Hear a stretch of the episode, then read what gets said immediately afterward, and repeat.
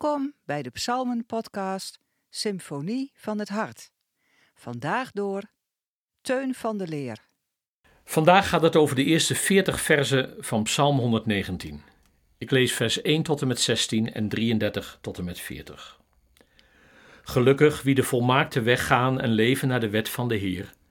Gelukkig wie zijn richtlijnen volgen, hem zoeken met heel hun hart.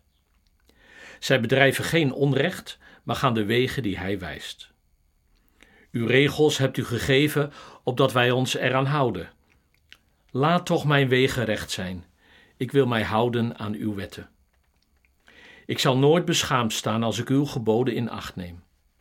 Ik zal u loven met een oprecht hart als ik uw rechtvaardige voorschriften leer. Ik zal me houden aan uw wetten. Verlaat mij dan niet voor goed. Hoe kan wie jong is zuiver leven? Door zich te houden aan uw woord. Met heel mijn hart heb ik u gezocht, laat mij niet afdwalen van uw geboden. Uw belofte heb ik in mijn hart geborgen, zo zal ik niet tegen u zondigen. Geprezen bent u, Heer, onderwijs mij in uw wetten. Mijn lippen hebben uitgesproken wat uw mond ons voorschreef. Leven naar uw richtlijnen geeft mij vreugde, meer vreugde dan rijkdom en overvloed. Uw regels wil ik overdenken, het oog op uw paden richten. Ik verheug mij in uw wetten. Uw woord zal ik niet vergeten. Wijs me, Heer, de weg van uw wetten, dan volg die tot het einde toe. Geef mij inzicht en ik zal uw wet volgen, hem onderhouden met heel mijn hart. Laat mij het pad gaan van uw geboden, dat is mij het liefst. Neig mijn hart naar uw richtlijnen en niet naar winstbejag. Houd mijn ogen af van wat leeg is, laat me uw wegen gaan en leven. Kom uw belofte aan uw dienaar na, dan zal ik van ontzag voor u vervuld zijn. Houd spot van mij af, die beangstigt mij. Maar uw voorschriften maken mij gelukkig. Hoe verlang ik naar uw regels? Doe mij leven in uw gerechtigheid.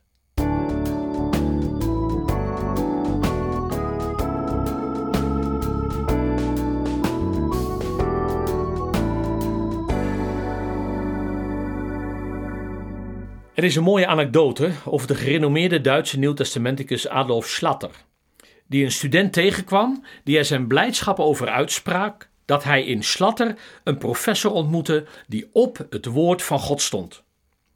Waarop Slatter onmiddellijk reageerde met te zeggen: Jonge man, ik sta niet op het woord van God, ik sta eronder. Voor mij is dit meer dan een anekdote. Het is een principiële visie op het omgaan met de Bijbel. Dat is niet zozeer een boek om iets over te zeggen, maar om je door te laten gezeggen. Ook, of misschien moet ik zeggen, juist als het schuurt. Vandaag beginnen we aan de langste psalm, die zo lang is dat we er maar liefst vijf podcasts aan wijden en er dus de hele komende week mee bezig zijn. De psalm is een acrostigon of abecedarium, waarbij elk vers met een opeenvolgende letter van het Hebreeuwse alfabet begint, zoals we dat ook al eerder tegenkwamen, bijvoorbeeld in Psalm 25, 34 en 112. Maar Psalm 119 overtroeft ze allemaal doordat het alfabet niet per vers wordt gevolgd, maar per acht verzen.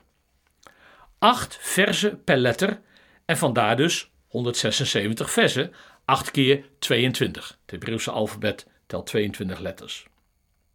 En deze lange, langste psalm gaat over maar één onderwerp: de wet, de Torah, het woord van God. Voor die wet worden acht synoniemen gebruikt die steeds in die acht versen terugkeren. En zo is de psalm een zeer kunstig bouwwerk dat in zijn structuur al een verhaal vertelt. Het woord van God is compleet en omvat de hele schepping en het hele leven.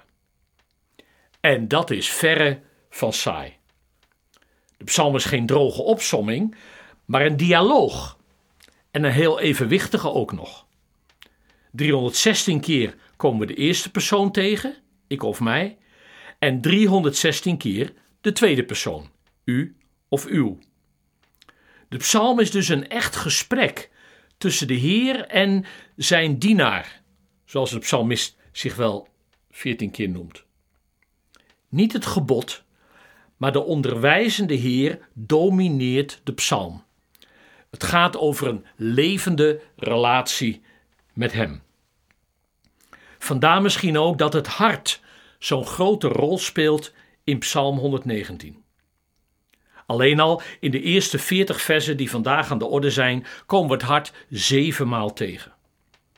Het gaat dan onder andere over God zoeken met heel mijn hart, God loven met een oprecht hart en zijn richtlijnen aan mijn hart drukken. Bepaalt geen afstandelijke koele wetsteksten, maar innige liefdestaal. Tot die liefdestaal behoort ook een schurend, kritisch woord als in vers 36. Neig mijn hart naar uw richtlijnen en niet naar winstbejag. Hier wordt gevraagd of God ons hart wil buigen in de richting van zijn wil. Want laten we eerlijk zijn, het woord zegt niet altijd wat wij graag willen horen. Het kan ons aanspreken, maar zeker ook tegenspreken. Het staat soms haaks op ons comfortabele leven en onze zelfzuchtige neigingen, zoals die naar winst en geld. En wat doen we dan? Ik moet dan altijd denken aan een uitspraak van de theoloog Noordmans.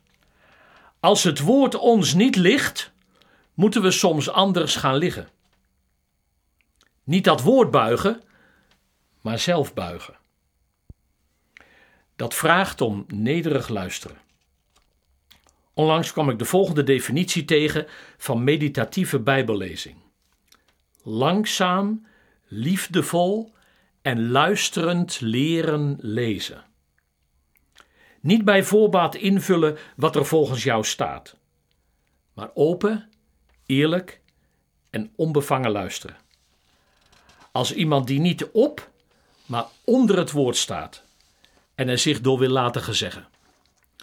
Psalm 119 is daar een prachtig voorbeeld van. Aan de hand van deze psalm mogen we een week lang langzaam, liefdevol en luisterend leren lezen.